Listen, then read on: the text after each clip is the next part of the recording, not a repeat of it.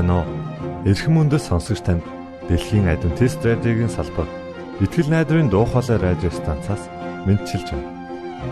Сонсогч танд хүргэх маань нэвтрүүлэг өдөр бүр Улаанбаатарын цагаар 19 цаг 30 минутаас 20 цагийн хооронд 17730 кГц зөвлөлтөөр 16 метрийн долгионоор цацагдж байна.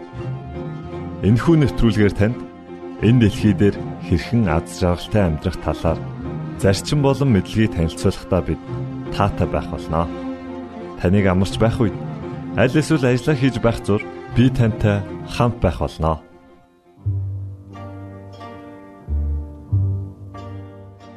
Өнөөдрийн нэвтрүүлгээр танд итгээд даг хэмэх сайхан дуу хүргэж байна. Үүний дараа та өөрийгөө байлдан дагуулагч болгон хөгжүүлэх хэмэх цуврал нэвтрүүлгийг сонсох болно та бүхэн таалан сойрхноо.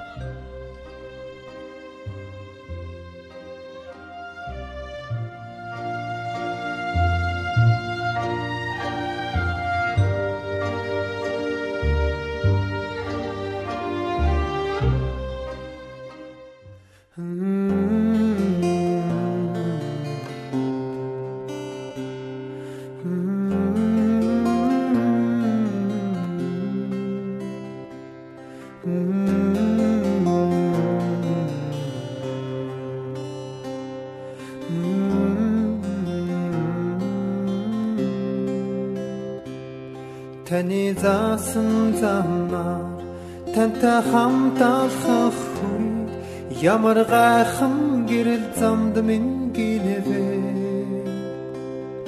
Таны хүслийг үйлдэж танд итгэж дагах үед бидний дэргэд хамт байсаар байдаа Есүстэй хаа баяр хориг мэдрээ Өөр ямар ч зам энд байхгүй. Зөвхөн итгэж даа Гэхдээ тэглийн тэр зам сатотгор их байдаг. Халуун хайрыг тань яаж тэд мэдэх вэ? Гэрэлт найдвар дотороо аялаж байгаа хүнгүүр таны бэлдсэн баяр баясгаланд орно. Есүстэй хамт баяр хориг мэдрээ өөр ямар ч зам энд байхгүй зөвхөн итгэж даа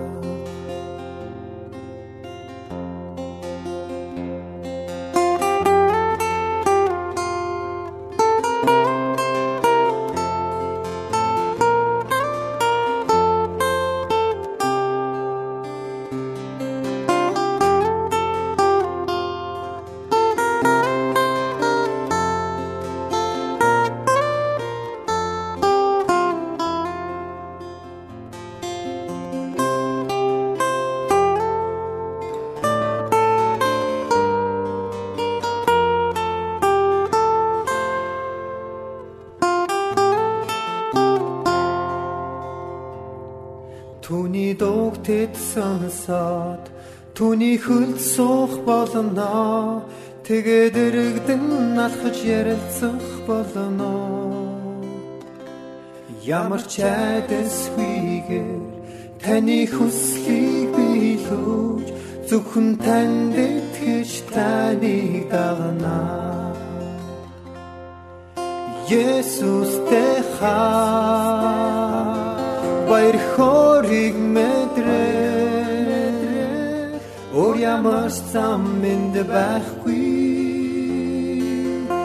Есүстэй хаан баяр хориг мэдрээ Өөр ямар зам энд байхгүй. Зөвхөн итгэж та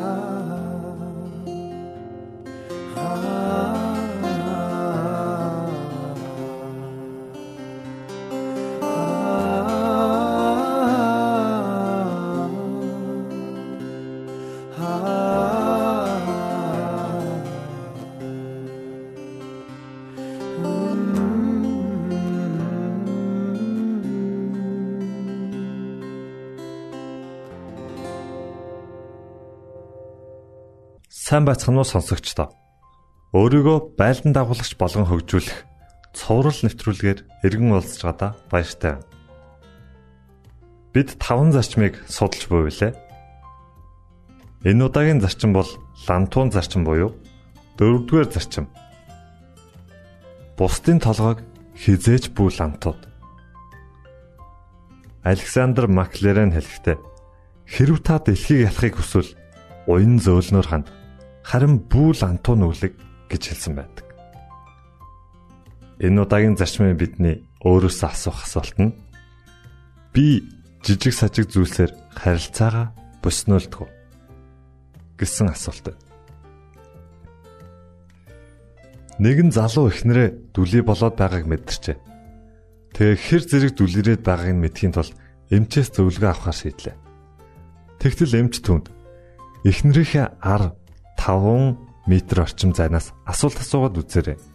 Хэрвээ сонсохгүй бол 4 м гэх мэтээр ойртоод асуугаад бай гэж зөвлөжээ. Ингээд майнер эхнэрээ оройн хоол хийж байхад нь 5 м-ийн зайнаас хараа ямар хоол хийж байгаа юм бэ гэж асууж. Гэвч эхнэр нь юу ч хариулсангүй. Тиймээс тэрээр дахин 1 м ойртон асуусан боловч мөн л хариу сонссонгүй.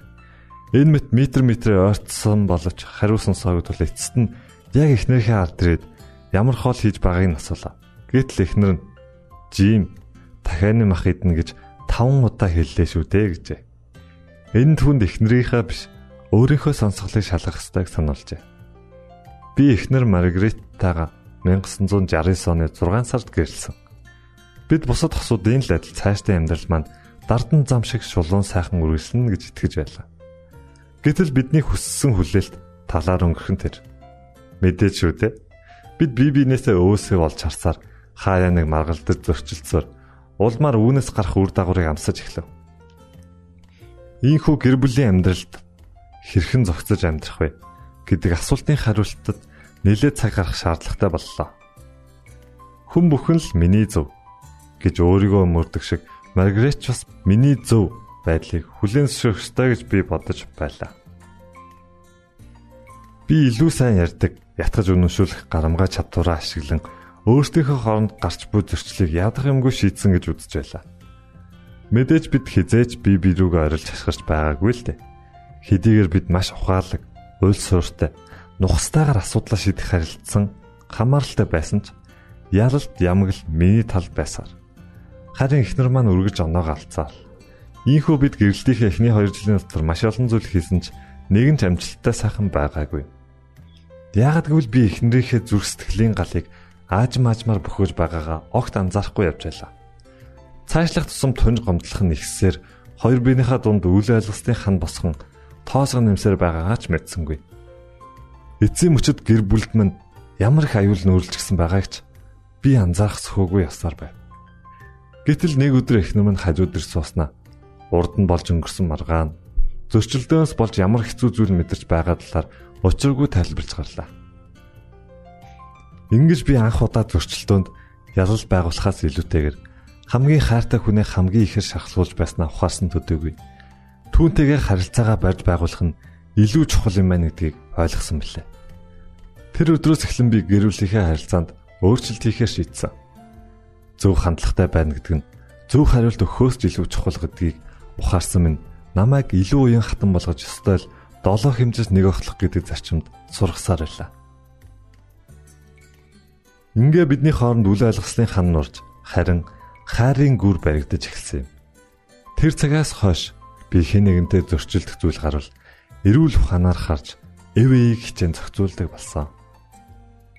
Хэрвээ надад ланту байсан бол хүүхэд эцэг эхийнхээ үгэнд дуулуурыг хандаж залхууран хоригших үед алган боовны амт мэдрүүлснээр дуулууртай идэвхтэй болдог. Энэ хүүхэлдэйн киноны баатар Кельвинтэй адилхан юм. Кельвин залхуу дуулуургүй хүмүүсийг урагш ахиулахын тулд миний амбаартал тэдэнд хэрэгтэй. Тиймээс ийм бизнес хийж байна гэжээ. Үүнтэй адил тухайн хүний онцлог байдлаас шалтгаалж лантуудах хэрэгтэй ч уян зөөлөн хандах хэрэгтэй. Үнэнтэй нүүр тулахад хэцүү байвал дараах дөрвөн зөвлөгөө хэрэглэхэд илүүдэхгүй. Нэгдүгээрт төвчээртэй хандах. 40 иргэм насны нэгэн хүн зоогийн газар оронгота шуудхан л зөөгчдөр очиж танаа зогсуулга намдах ямар нэг юм байна уу гэж асуулаа. Зөөгч үгийн зөрүүгөө шууд л нойлтон алтчуур аван залуугийн нүүрөө чулууд. Гэтэл өнөөх нь лантууд болсон юм шиг хөөе чи чинь яаж байна гэж гайхсан янзтай асуутал худалдагч инээснэ. За харда та зогсгоо болчихсон тийм үү? Гэтэл залуу би ийм арга байдаг гэдгийг мэдээгүй юм байна. Эхнэрээсээ ч гэсэн асуусан боловч тэр машин дотор суугаад үлдсэн гэжээ. Тимээс хүмүүсийг асуултаа асууж дуусахаас өмнө лантуу мэт хариулт өгөхөөс хамгаалахын тулд өөрийгөө сурга. Хэн нэгэн өөрийг өөрийн санааг надтай хаваалцах үед би дараах зүйлийг баримталдаг. Сонсдог, асуулт асуудаг, бас дахин сонсдог. Дахин асуулт асууна. Бүр их сонсож тэгээд бас л асуудаг. Тэгээд хариулт өгдөг.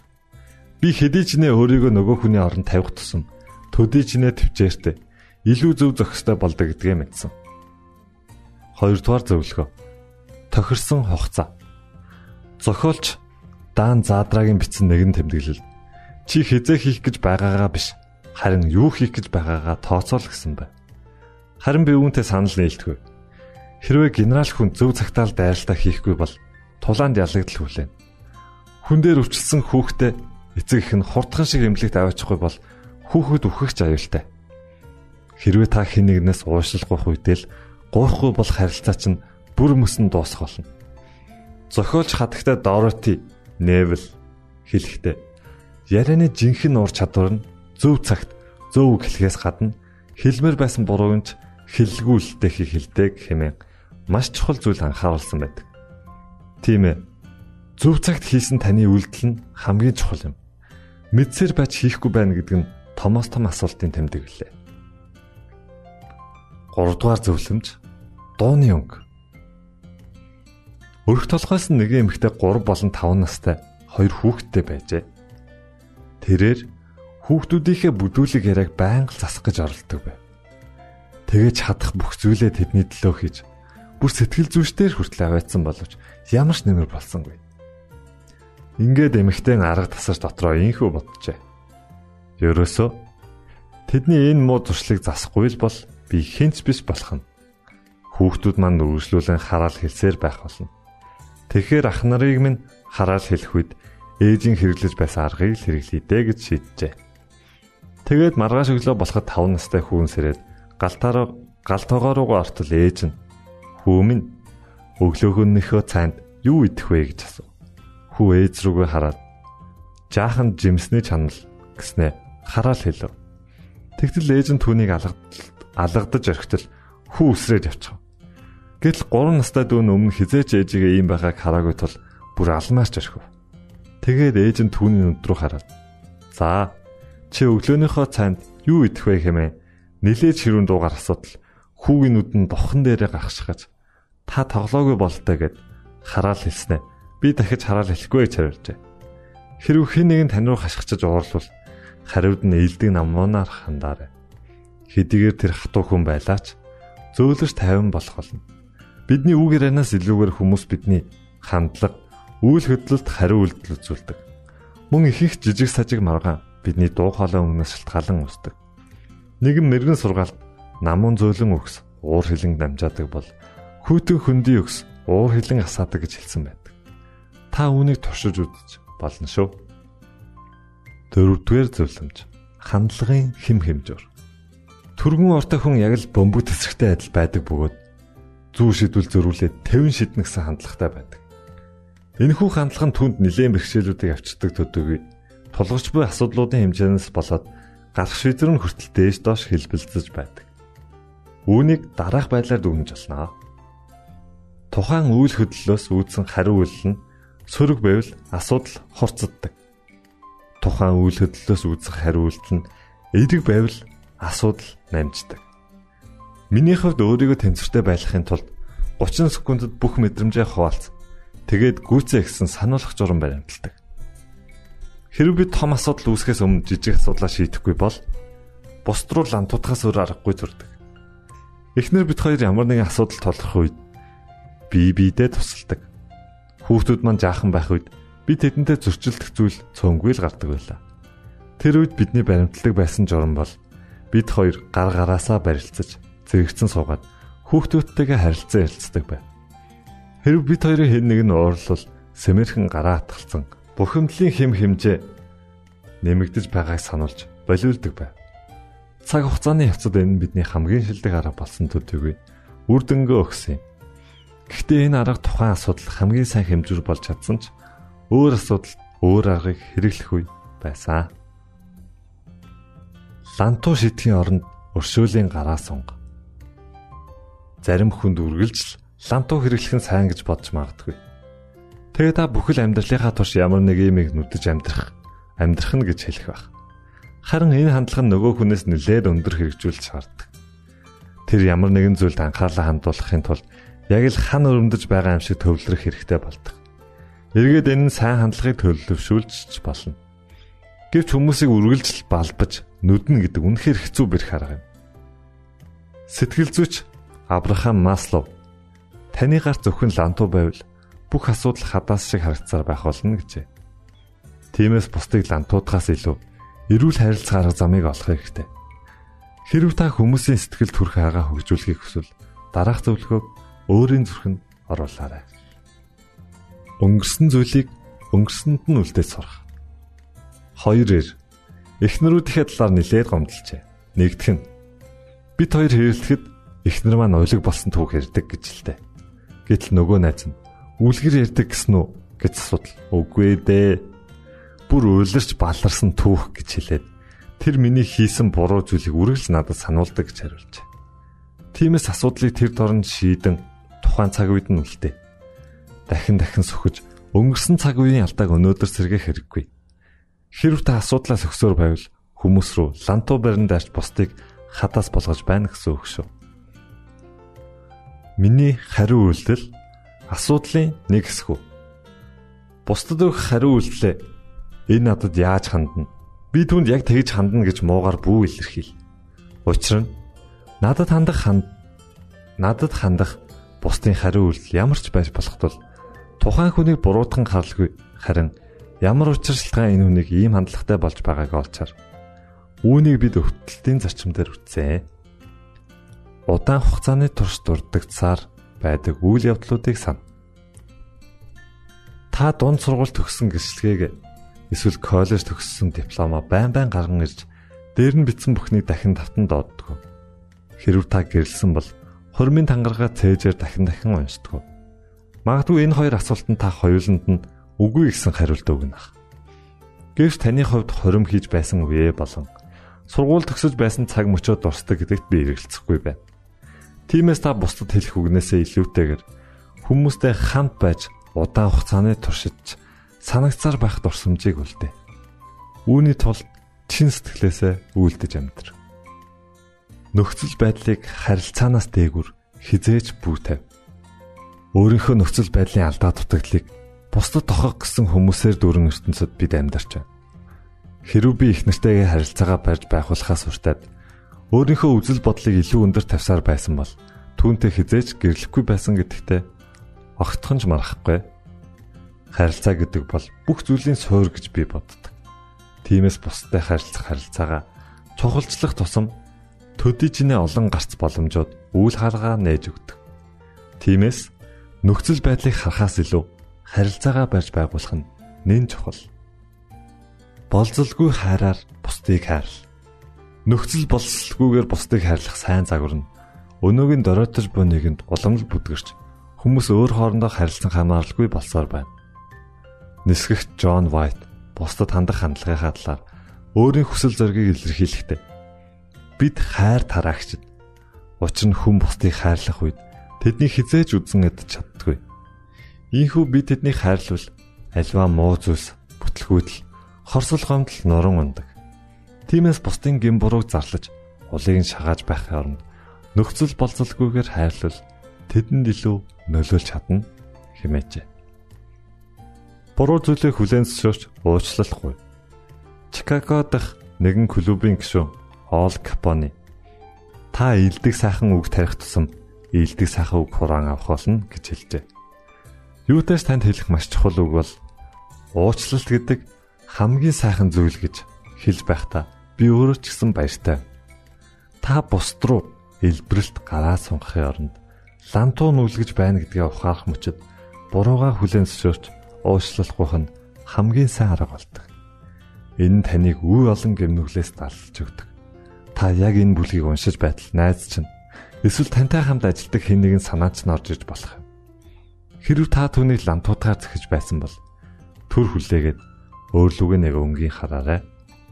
Түүн таны илбрэлт гар гарцаагүй хэрэгтэй байгааг харах болно.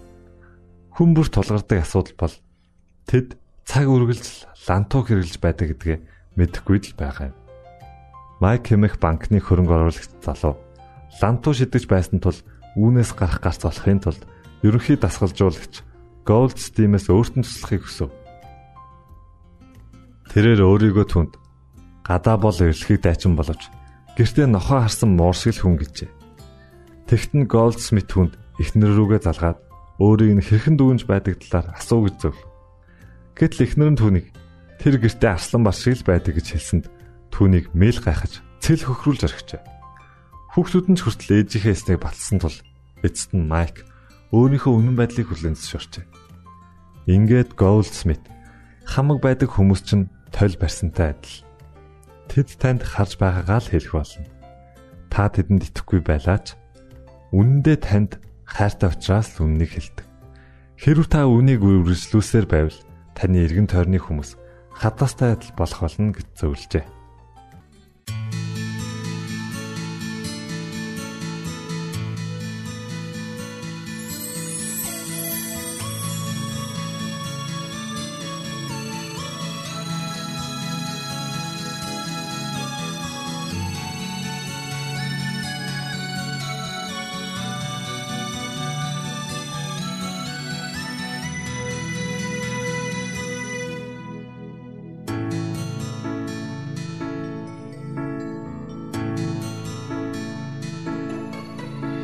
Төгс төгөл тэр хэрнээ даруухан аврагч хизээ Сөргөчтэй мөртлөө нэг үслэр дүүрээ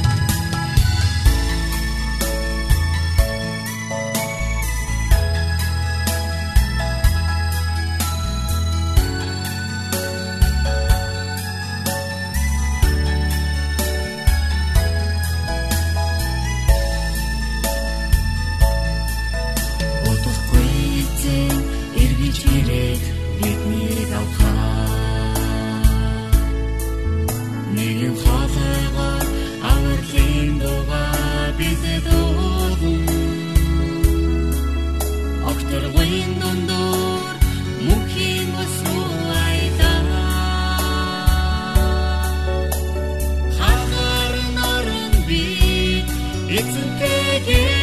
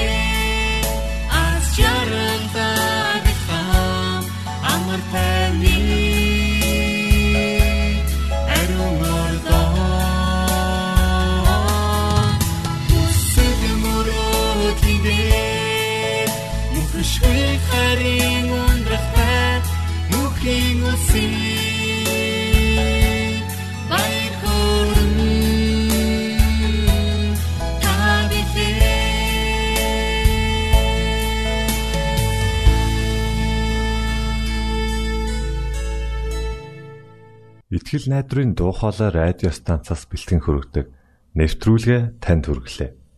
Хэрв та энэ өдрийн нэвтрүүлгийг сонсож амжаагүй аль эсвэл дахин сонсохыг хүсвэл бидэнтэй дараах хаягаар холбогдорой. Facebook хаяг: Satiin үсгээр Монгол заавад AWR Имейл хаяг